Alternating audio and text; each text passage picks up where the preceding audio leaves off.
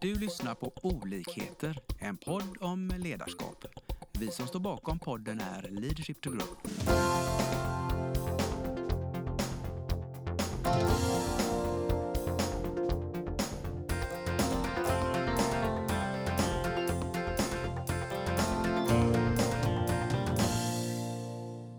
Välkommen till dagens podd. Idag har jag en härlig gäst. Vi sitter i jaktstugan eh, och eh, du får presentera dig själv. Ja, eh, jag heter Kalle Alvén och vi famvandrar när det nu var och tog jägarexamen hos mig. Så att, och nu är vi just nu på vårt familjegods. Som min, jag växte upp lite, min pappa bor här ute och jag är lite på väg tillbaka. Och eftersom vi snackar tävlingar, vi kommer att snacka lite tävlingar och allt sånt här, så ehm, pappa tävlat och skjutit VM i hagel, kommenterar VM och farfar de VM i OS och sånt där och jag också tävlingsskjutit lite både hagel och kula. Lite grann. roligt. Ja, ja. Lite. Ish. Ja. ja, härligt. Och som sagt, vi fann ju varandra på eh, en kurs eh, för några månader sedan. Och eh, jag jobbar ju med ledarskap och vad jag fann var så otroligt spännande, det var att du tog ju ner oss, jag tror vi var tio ungefär i kursen, va? och du tog ju ner oss var och en på ett individuellt sätt och lärde ut på ett otroligt intressant och effektivt sätt. Men kan du berätta lite om det? För du, när du kommer in och ser människor, hur får du liksom en effektiv utbildning? Det är väldigt viktigt tycker jag att man anpassar skyttet efter individen. Och har man till exempel har man pluggat massa år i Lund och sen doktorerat och sen varit chef och inte lyssnat på dem på 40 år. Då är man en individ. Eller om man eh, kanske bygger bob, man snickrar om dagarna. Eller framgångsrik kvinna eller någon ungdom. Och det är ju alltså unga och gamla är ju slarviga. Så, och de har, man, de har, man har ju mycket de här förutfattade meningarna. vissa stämmer in. Men har man haft 9000 elever som jag har haft och jag har haft över 1000 kvinnor så vet man ju ganska fort. Så när jag, jag är ju väldigt speciell när jag välkomnar på en grupp. Alltså en grupp då när man börjar på morgonen. Då kommer jag alltid sent för då har alla kommit och snackat med varandra. Och sen så... Och då, är vi på, och, och, och då är vi på Bosjö klosters slott och det är tusen år gammalt. Och så kommer man in så man öppnar dörren. Då är det antingen skorna där nere, där de bör vara. Då är det ju i min värld normala, vanliga människor. Och sen eh, är skorna på dem. Inne i slottet så är det ju mycket stockholmare. Nej, jag brukar skoja med det. Ja. Så jag brukar, då, då kan man, då försöker jag alltid på något sätt provocera lite, för då kan jag nämligen läsa. Så när jag går upp sen och tittar på gruppen så kan jag läsa vad jag har alla. Och det här så kallat introduktion och välkomst, eh, ja, talet om man pratar om det, kan ta allt mellan 30 sekunder till två timmar. Har man 10 byggare bob så är det 30 sekunder. Sen är vi igång och skjuter. Har man extremt smarta människor som har väldigt mycket kontrollbehov, är jätteframgångsrika och jätteviktiga eller någonting annat så kan det ta två timmar. Och då är det också provocerande kanske när jag så frågar om de har någon fråga och då har ju vissa frågor och då vill jag liksom från ett kurs som börjar till slutet så vill jag att alla bara ska matas med rätt. En fråga här då, för det här Ja. visste du inte från dag ett. Du har utbildat över 9000 Över 9000 elever. Ja, ja. Ja, och I men- början var, kanske det gick du på några nitar då i början? Ja, men då var jag en odräglig talang som alla tyckte var i- bäst på att skjuta och bäst på att instruera jättemycket. Men jag var nog inte en procent av vad jag är idag. Tack vare kvinnor och tjejer så har jag lärt mig kommunicera. Så det är tack vare alla tjejerna på kurserna som jag har lärt mig det, för då behöver man det. Killar är ju hjärndöda neandertalare, kromagnoner jämfört med intelligent kvinna liksom. Så är det ju. Ja. Och det, det lärde du efter några, några tusen då kanske? Eller? Efter eh, tre år, och det här är väldigt kanske provocerande så här, men jag har ehm, ett gammalt ex till mig, är världsmästare i boxning, Klara Svensson. Och vi hade väldigt mycket diskussioner om detta och skulle föreläsa. Jag kunde inte föreläsa så mycket om skillnaden man och kvinna. Och hon tyckte så här, jag, ja, jag kunde inte tävlingsskjuta ett tag för jag skadade ryggen. Så hade jag någon Porsche som man körde lite bana och så här med. Och när hon körde runt med den så märkte hon att unga killar tittar på. Men unga tjejer tycker det är helt ointressant. Och det är samma där med vapen och man växer upp i de olika grejerna. Det är väldigt intressant med skillnaderna. Mm. Och då var det också samma sak. Första tre åren så tyckte jag att jag var värdelös på att instruera tjejer. För att vid något tillfälle så grät ofta tjejerna. Ja. Ja, jag vill inte säga hur många procent av på de tre åren, men det är väldigt nära 100 procent, kanske till och med 100 procent. men det är inte så bra att marknadsföra och är det. Idag är det absolut inte så. Men då var det för att då var det skjut liksom, då var det lite aggressivt, kalla, hårda på duvan och något sånt. Och sen är det stressmoment när det är prov och lite annat. så testade jag med att ta in tjejerna själva på torsdagen. Och så bara träffade de sköt extremt bra. Vilken skillnad. Men på fredagen sköt de jättedåligt. Och det är väldigt ologiskt. Ja, förstår inte jag. Ja, men då är det så här, då var det ju att de var ju nervösa för rekyl olika, eller de skjutit med sin pojkvän eller sin pappa och fått smälla in och så. Men sen börjar de analysera och felsöka och tänka ännu mer. För de är väldigt smarta ofta på ett helt annat sätt tycker jag. Och samma mer hjälpsamma, märker man liksom. Vi bor ju på slottet med under kursen och då fixar alltid till och håller ordning. Och det är samma som jag har eh, Malin som eh, bor hemma hos mig nu i mitt liv. Och hon eh, sambo, och hon, eh, när hon är och jobbar på kurserna så blir det bra balans. Hon håller ordning på allting och säger till med liksom och sånt som vi inte ser på samma sätt Ja. som vi tycker är viktigt. Härligt. Sen är vi ju mer lösningsorienterade på ett annat effektivare sätt så kan man väl säga. Ja. Ja, så att, eh, nej men men det är väl längs vägen man har fått lära sig. Ja. Jag, jag skippade fem bröllop på ett år för att ta jägarexamen. För mig är det en tävling. Ja. Jag ville ju bara ha alla klara, jag ville bli bättre, jag var aldrig nöjd. Mm. Och det här mörka dr- draget när man ligger, att man aldrig är nöjd. Mm. Och man ska ha fler jägare som man ska vara bättre, ska ha bättre resultat och samtidigt guida och hålla på med jakten. Mm. Hade kungafamiljer som kom in från andra länder och de största och rikaste ryssar och alla massa andra sådana som kom in. Så. Tävling, aldrig nöjd. Kände igen mig själv mycket i Zlatans bok. Det är så? Ja. Ja. ja. den är stark. Den är Ja, viktig. när han ligger du vet, och så skakar liksom fullständigt dagen innan när han skulle göra någonting. Jag hade den största inom jakten i Europa, skulle komma in och filma och jaga mig. Mm. Det är lite prestationsångest. Nej men då var jag så, men så blev jag så, vad fan håller jag på med? Jag kan det här liksom. För Ja. först i början tyckte jag att man inte kunde någonting, för det är klassiskt. Sen tyckte folk att man var duktig. Sen, börjar, sen ska man kunna det och sen måste man prestera och leverera och det är en resa. Mm. För mig har jag valt mellan olika, men det finns ingenting som är roligare. Jag blir alltid lyckligast och gladast när jag är på kurserna och instruerar skytte. Så, ja. För jag känner att jag, det är inte hela världen att en jägarexamen, det är inte så jävla viktigt kanske. Men jag känner att jag verkligen kan göra någonting. Och få folk duktiga att förstå. Sen är det, har folk som har skjutit innan, då fattar de det. Har folk inte skjutit än så förstår de inte det. Eh, och det är precis som skjutsimulatorerna. Vissa tycker det är provocerande att man inte skjuter skarpa skott med kula. Men det skulle inte gå att lära det vi gör, lär ut där. Och Mm. Aimpoint, svenskt företag som är störst med de här, eh, sitter på militärvapen, de här Aimpoint eh, den här lilla rödpunkten utan förstoring. Han, han instruerar Erik Åstad som, som varit på SSG Sågen, så använder vi samma simulator. Använder vi det som ska vara de bästa på att instruera kula så Mm. är det väl rätt svar. Sen Mm. skjuter vi hagelskarpt, det är en annan grej. Ja, men jag blev väldigt fascinerad just det här att du anpassade då din utbildningsinstruktion för att få ett jäkligt snabbt resultat. Jag menar, vi, kursen är ju bara på två och en halv dag. Ja, och det, jag kan till och med säga så att under sommarperioden så hade vi någon period då vi började kursen torsdagen, sköt upp på fredagen, fortsättning skjuter på lördagen. Då har vi som bäst resultat för då hinner folk inte bli nervösa, de har inte samma press på sig själv, de har inte hunnit börja analysera och söka fel. Så det är mycket bättre. Så jag har lärt mig att det kvittar hur mycket jag lär. Det är ändå psykologi. Har jag tio elever, som, vi har två grupper av tio som åker och gör ett prov. Den ena gör precis som jag vill. Det är bara, de snackar inte skytte med varandra, de pratar inte om någonting, de bara gör proven. Till en grupp som börjar snacka alla fel och problem och om de misslyckas någonting. Då har vi 20% som klarar den ena gruppen, den andra är så nära 100 man kan komma. Mm. Kanske till och med 100, kanske 99, 97% ska jag gissa. Liksom. Och det är bara, och då känner man sig väldigt så här. Det är väldigt frustrerande och samtidigt hur trevligt känns det. Jag kommer ihåg en gång uppskjutning med 32 stycken på älgen. Alla, alla klarade. Vilket är helt sinnessjukt. Men då satt det, det kändes liksom som, ja, det kändes ju som Warszawapakten, liksom So- Sovjetunionen. Liksom. Alla bara satt tysta och så var det fullt militärt. Det är ju inte normalt, det har hänt en gång i mitt liv. Men annars på de kurser, man vill ju att folk ska ha roligt och kul. Sen klara proven, men framförallt lära sig att det sitter länge. Mm, mm.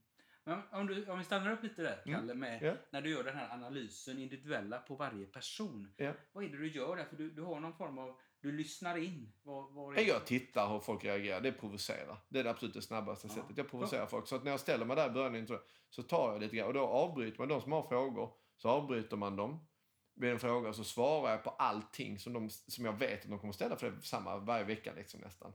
Instruerar olika, helt enkelt, olika individer. Men det finns fortfarande, som du märker, mycket energi. Så att jag gissar varför jag kan in, alltså anpassa och analysera så fort. Det är för att jag var ganska bra i matte. Gick fyran, gjorde högstadiematte och hela den här biten. Så att jag, eh, jag tror det är därav all min kombo-energi. Ja, du har överskott. ja, jag har lite där. Och så ser jag väl det matematiska på något sätt. Jag ser när någon böjer ett knä eller ett finger och tittar på ett sätt eller gör någonting. så har jag på något sätt att jag hittar och ser varför jag kan kommunicera det. Ja. Men då när man tar individerna i början när de ställer en fråga och så svarar jag då på frågan genom att berätta allt.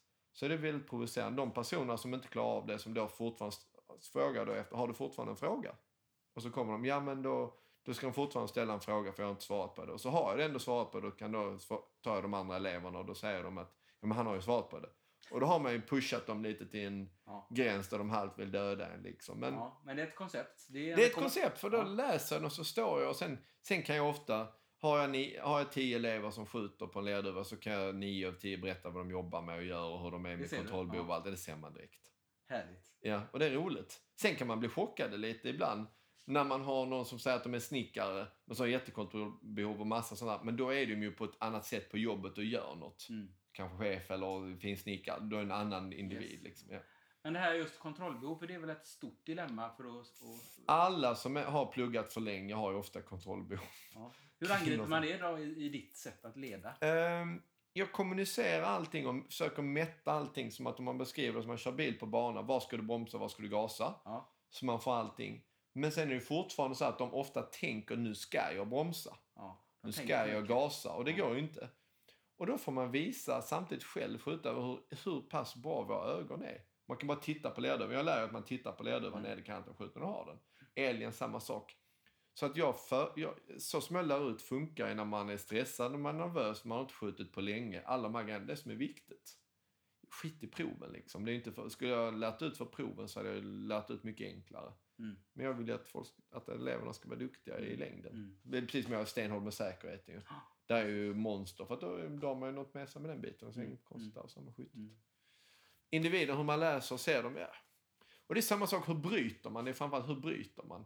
Mm. För att om du till exempel, du låser dig, när du sköter, du vill prestera bara, du vill bara träffa. Ja, nej, det ju- Klassisk precis. överprestera. Kan du berätta, Då berätta kan- då vad, kan- gör du då? Ja. Då kan man göra med ett hårt sätt. Man kan, och sen avsluta med mjukt. Man lägger handen på lite mjukt och pratar. Och sen kan, sen kan bara, hur, hur mycket tror du de kan ta in? Jo, ett eller två ord. Titta Max. på nedre kanten, stanna inte. Ja. Pratar man, och det är samma de som jobbar för mig. Ja. När de börjar instruera, då, kan, då har de lärt sig så jävla mycket som vill säga 20 saker. Men du kan ju inte ta in det. Utan du kan ju ta in ett eller två. Jag pratar ju jättemycket annars, men sen när jag väl instruerar ett ord, två ord. Mm. Titta på nedre, Mm. stanna inte. Yes. Ja, mig. visa golfsvingen, hela den här biten. Så tar man in och framförallt tycker jag visualisera det. Och Mm. fråga var de sportat så kan man använda någonting som de själva känner sig trygga Ja. Ja. Och har någon gjort något mycket försöker man använda sig att ta med det också, något positivt. Mm.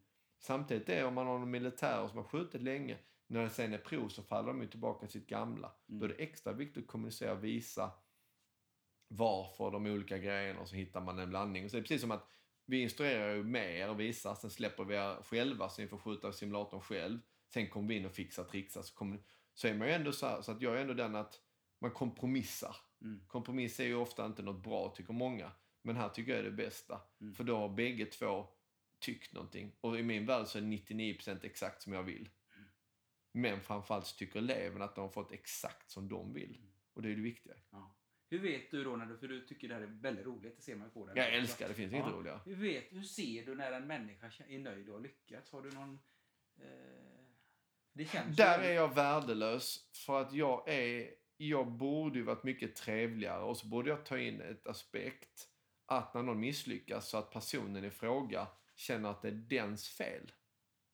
Jag går in och pushar och får personer, kanske inte alltid tycker om mig så mycket och massa annat, för jag vill att det är viktigt att prestera och bra resultat. Och att de kan, kan bli sura på, kanske inte nöjda, men jag vet att det är bättre än om att jag hade gått och blivit kompis. Det är en sån här grej som att om jag har tio elever och lär mig namnet på alla tio känner de sig viktigare. Men om inte jag använder namnen någonstans utan jag bara kommer ihåg. Jag kan minnas fortfarande när du skjuter lerduvor. Ja. Jag kan minnas hur du låser och du spände dig, du vet när du skulle Ja, göra anläggning. Ja. Och det är ändå flera månader sedan. Ja. Jag har hundra i månaden liksom. Och ändå kan jag komma ihåg sånt här. Ja. Jag har haft, eh, vad ska vi säga så att inte man hänger ut, topp fem bästa golfspelerska har jag haft på kurs. Som träffar 39-40 ledare och ska skjuta upp sen. Så här, ja, men jag kommer inte klara, jag kommer inte kunna det här. Jag minns ju sådana saker, Mm. men namnen är inte så viktiga för mig. Men marknads, du hade känt det mycket viktigare om jag hade under kursen använt ditt namn och du hade känt dig mer så här. Det är mycket mer säljande. Men istället för det så är jag väldigt fyrkantig där med att ni, jag vill ju prata massa om individen. Men för mig, Alltså då veta jobb och allt massa annat. Men det viktiga för mig är bara vad som är bäst för eleven. Mm. Ja, men det är, det är Och också det är professionellt tänker jag. Nej, men jag, Ja. jag tänker det att det, Jag tänker bara resultat. Mm. Och prestera och lära sig. och det, jag menar, det är ju En viktigt. som jobbar för mig, han är mycket mer så de gillar honom mycket bättre, misslyckas känner sig att det är ett eget fel. Han gör det mycket lättare, han anstränger sig inte som mig, han bara för mig. Så misslyckas någon och inte, ja men de känner ändå att det är deras fel, tycker han. Så är han. Ja. Sen är det en som är ännu fyrkantigare än vad jag är. Men du brinner ju ändå för det här så som ditt sätt att göra Ja men det, det är mitt liksom och jag liksom, jag... Det är ju det man, jag ändå, man har ändå skitit i mycket i sitt liv. Jag har aldrig haft pengarna och sånt där, utan man gör det för man älskar det och man får energi. Och, det, och sen är det märkt att det är det roligaste man kan göra. Men det är ju hänsyn till, till våra lyssnare och det är Mm. väl ett råd att det är viktigt att göra det man älskar. man ska vara bra på det och jag älskar så är- det är också en sån här sak. Eh, jag pratade med en av grannarna nu eftersom jag är på väg att flytta hem nu igen så, så sa ju en av granngodsägarna sa till mig Kalle du kan inte hålla på med jakt, här kan man inte tjäna pengar. Nej, så tänkte jag. Jag kan ju prata, det har vi alla kommit överens om nu när podden är igång här. Jag har inga konstigheter, jag förlorar inte en diskussion. Eh, och då, då sa han liksom, nu kan inte tjäna pengar. Jag tänkte, ja, men då kan jag jobba mäklare. För jag kände alla, jag har haft nattklubb, kände alla i Lund liksom. Allt sånt där. Då ska jag, så alla mäklarfirmorna, jag fick jobb på mäklarfirmor innan jag började plugga. Varenda en. Jag kunde få precis vilken jag ville. Och då tänkte jag, men då får jag göra det samtidigt för att kunna klara mig. Så, så ska man tänkte, då skulle jag bo på Barsebäck. jobba yrkesägare där och köra jägarexamen. Så då tänkte jag att om jag inte har några fasta kostnader nästan, jag har nästan inga privata, jag tror jag hade privata kostnader på 1500 spänn i månaden. Bodde gratis. Ja, ja. För jag jobbade liksom, det var i jobbet. Jag bodde på en madrass på golvet på ett stenmagasin. Och så var jag igång och jobbade dygnet runt. Och sen ett år senare så klockade min dåvarande flickvän mig på sju veckor på tre timmar och en kvart snittsömn. Men varje gång jag såg en elev så fick jag energi och var pigg och glad. När jag var ute och fotade rådjuren eller jagade grisarna Ja, eller räv eller något. Det bästa som finns. Det finns inget roligare. Får man energi. Ja. Sen att man tappar skägget, är en annan grej. Att man stressar Jo. varit. Ja. Nej, men den är ju viktig Mm. tänker jag till, till våra lyssnare. Att, fan, så det är viktigt att gå på det man älskar och göra Ja, det. och sen, och sen är det ju så här. Det är precis som vi har en restaurang här precis bredvid. De, de jobbar på en annan restaurang. Då var de så de räknar, bör- vad behöver jag för att klara oss? Och det gjorde också samma sak. Vad behöver jag för att klara mig? Och det var liksom väldigt mycket, nu, nu har de liksom, från att de var två personer skulle kanske in någon, nu har de ju en armada av människor, de har en omsättning på, alltså de på en vecka drar de in mer än vad de skulle göra på ett år. Man vet ju aldrig. Man, jag, mitt mål var 40 jägarexamenselever på ett år. Jag kunde ha 5 000 om jag hade velat. Om jag hade kört i Stockholm, Göteborg och Småland så hade jag 5 jag har 1000 nu om året. Och samtidigt blev man lite sugen ett tag efter tävling så jag ville ju haft över 50% i Sverige. Så hade jag funderat på ett tag. Men då hade jag ju verkligen dödat mig själv. Ja. ja, men det är ju ändå klokt då att Ja. du, liksom, du anpassar dig till... Men det jag skulle säga att det är man, om man är bra på någonting och det är samma man hittar, de som jobbar för mig, man hittar ju det de är bra på olika grejer. Vissa är bra på att ta människan från lugn och vissa presterar, vissa jobbar liksom Mm. hårt. Alltså man har ju sina Så egenskaper. du bygger ett team där också? Ja, och då, då, sen tycker jag att de sen i livet när de lämnar mig och går vidare, ja, de ser ju dem som familj. Det blir ju som ens Det blir det, ja. små barn. Ja. jag, jag är 43 och de brukar vara runt 20. Jag kan inte ha någon som jobbar för mig som har barn. Som har något annat liksom som är i vägen. Utan här är det, då kommer man liksom på, på torsdag morgon, sen är man till lördag kväll, då är det inget annat. Och, det är all och torsdagskvällarna brukar vi ibland skjuta med eleverna till, alltså det är mellan 23 och 01. Ni bara kör på. Ja, sen upp på morgonen, ja men det är ju inget konstigt med ja, det. det inte... Eleverna gör det en gång i, du gör det en gång i ditt liv. Ja. Vi gör det varje vecka, därför måste man utgå från att okej, en gång i livet. Det är den som man ska Mm. arbeta efter.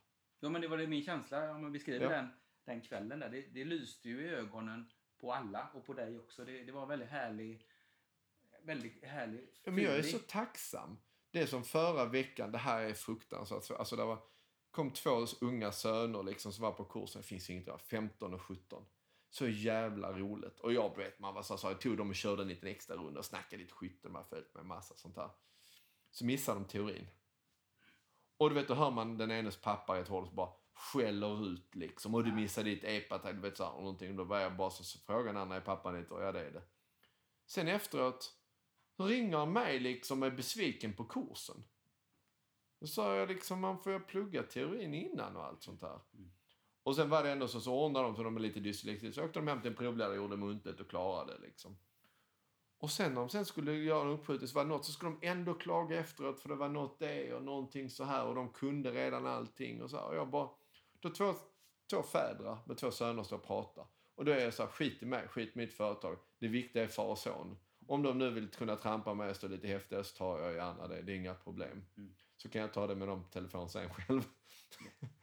så Men det, det är kul med de unga. Det är det Ja, bästa. Ja, ja. Det är det bästa. Man ja, kan avspela. ja. Ja, men det är roligt. Ja. Ja, men det, vi kan väl skvallra lite om den, Mm. den eh, omgången jag fick Ja. förmånen med. Då var det ju jättemycket då, övervikt eh, kvinnor och eh, tjejer. Ja, säga. och det har aldrig hänt så många som den där tror jag. Vad var det- det? Sju stycken? Åtta, eller hur? och, och unga Och det var de här unga döttrarna som kom papporna in. Det var väldigt, de papporna var ju tvärt emot de som förra veckan. För de älskar ju seminariet och var jätteglada för det och var helt till sig liksom. Det var en otrolig energi i Ja. hela kursen och, och det var ju De vare... missar ju någonting också. Det någonting efter som hörde av sig nu. Så de kommer ju ner. Och det är samma sak. Jag hade någon som missade någon prov i oktober.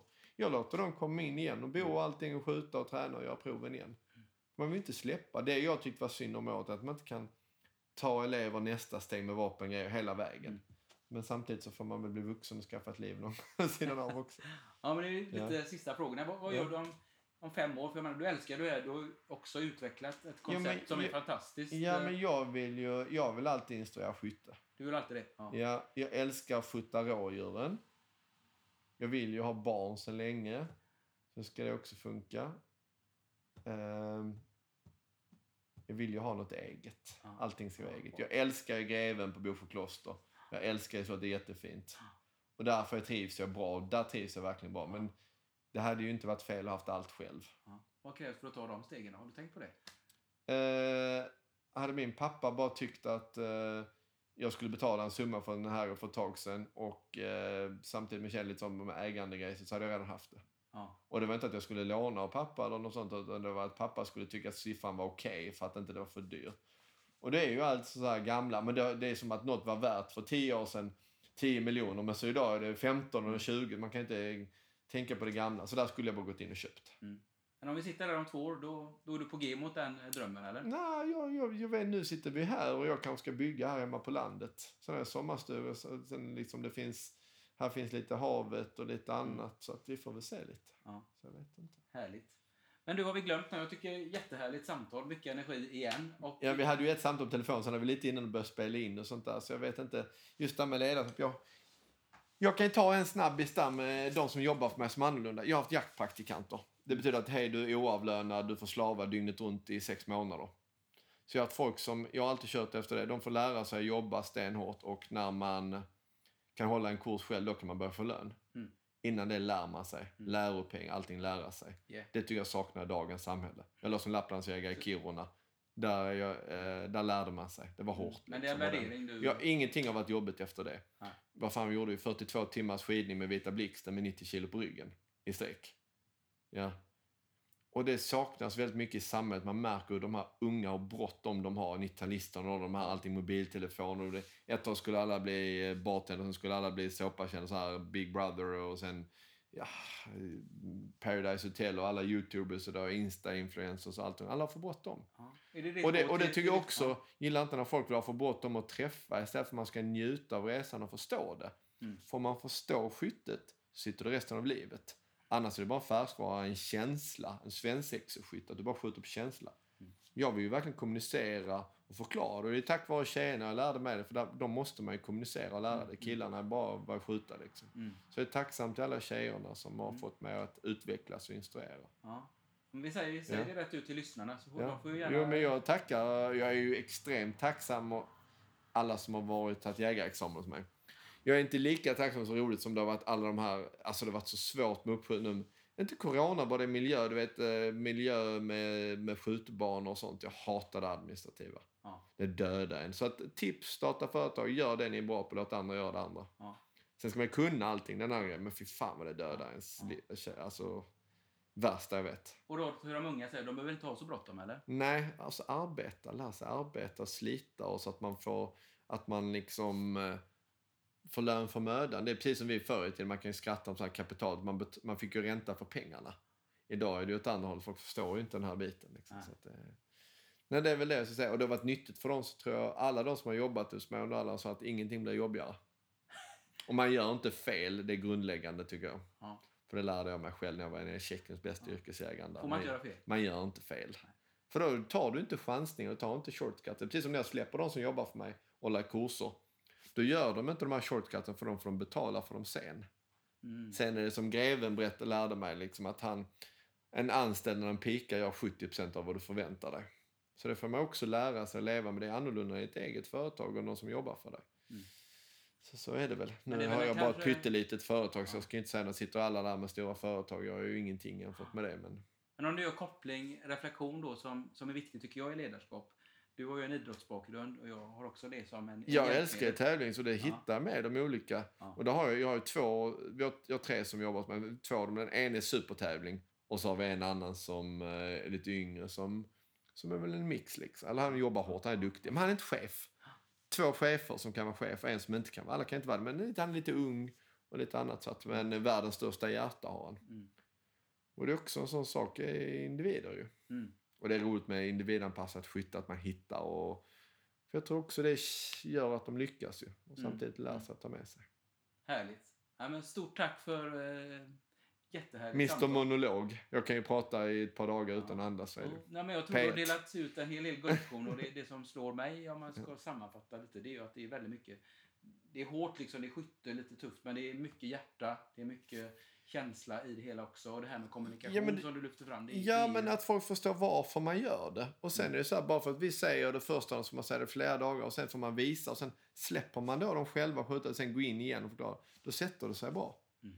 Det som är otacksamt är när folk inte förstår vad, de, vad man har gett dem. Vi har ju sett, vi vet ju skillnad på olika ställen. Precis som jag, en inom branschen som jag åkt runt och sett allihopa och tycker liksom att vi är här, nu uttrycker jag kanske ett högt berg och de Mm. andra är inte ens en gång division 7 korparligan ja, och Champions League. Liksom. Och det så kan man inte sitta och säga. Liksom. Det är alltid arrogant och det är det ena och det andra. Men fortfarande levererar man. Och det är väl en balansgång tänker jag där, med toppidrott kontra Mm. då den här hur samhället ser ut. För alla kan ju inte vinna. Det, så är det ju. Nej, så finns det en massa andra as- aspekter också. Liksom, som jag, tänk, tänk om du hade kommit till mig och tagit eh, jägarexamen. Och jag hade då lärt dig skjuta. Och sen hade du gjort proven för mig på samma bana och tränat. Då hade du varit bekväm och jag hade ju ändå, du hade gjort proven för mig. Då hade ju allting varit lätt ju. Vi hade bara gått igenom. Så har alla de andra som har kört intensivkurs med boende med, alltså så, runt om i Sverige haft sina egna banor. Sina egna provledare i det hela. Jag valde från början att jag inte ville bli lat och jag ville lära att... Så jag har varit runt på över 20 banor och skjuter upp med eleverna. För det pushar mig att jag inte kan bli lat. Så jag är inte statligt anställd. Härligt. Ja, men det är prestation igen. Så det, det kan man inte tvätta ur den värderingen tänker jag. Du, en sista fråga om Mm. eh, tema ledarskap och, och förebilder. Vem skulle du vilja höra i en sån här podd? Har du någon sån drömindivid? oh. Spontant. Du behöver inte säga det nu, annars kan vi ta det sen efteråt. Alltså jag älskar ju kronprins Fredrik. Jag ska bara säga, han är inte någon som ska vara här. Jag bara säger den mest imponerande människa jag har träffat. Mm. Han tycker jag är fantastisk. När han var och jagade med kronprins Fredrik från Danmark. Fantastisk. Nej, men jag, jag lyssnar på många. Jag tycker det är intressant med eh, både inom sport, inom politik och idrott och massa olika. Sen, Ja, ja. Men framförallt någon som får köra sitt eget race som inte hindras. Om du är politiker så kan du inte säga vad du vill för det är för partiet. Och har du ett eget företag, någon som utan filter kan vara ärlig. Mm. Det är väldigt få. Ja. Jag är tacksam för att jag kör utan filter, det märkte du också. Mm. De sakerna jag säger på en kurs och allt annat, det borde man knappt få säga och göra. Men det är ingen som kan säga till mig någonting. Nej. Jag gör precis vad jag vill. Och det är samma, är det en människa som är störig på en kurs, att jag skickar hem, säger till mig så jag swishar privat tillbaka pengar så jag slipper de förstöra kursen. Nu händer ju inte det. Nej. Men Men hellre du har det. Den, du har den. hellre den, ja. Ja, men Så är jättehärligt. det. Och där har vi mycket värderingar. Så det, Jo men så är det, att man ska få vara ärlig liksom. Utanför. Det är väldigt ovanligt i dagens samhälle känns det som. Mm. Jag tycker att det är just det gamla. Och det är samma som Sverige, för att jag har varit privilegierad att bo i Kiruna ett år. Det här gamla svenska. Mm. Det är precis som jag berättade, att man behöver inte låsa dörren här på bilen, man behöver inte låsa så här. Det är samma, i Lomma liksom, det behöver man inte heller. Det är ju ett minne blott i dagens samhälle. det är en ny podd. Ny podd. Ja. Kanoners, eh, Kalle. Ja, tack så jättemycket för att du kom förbi.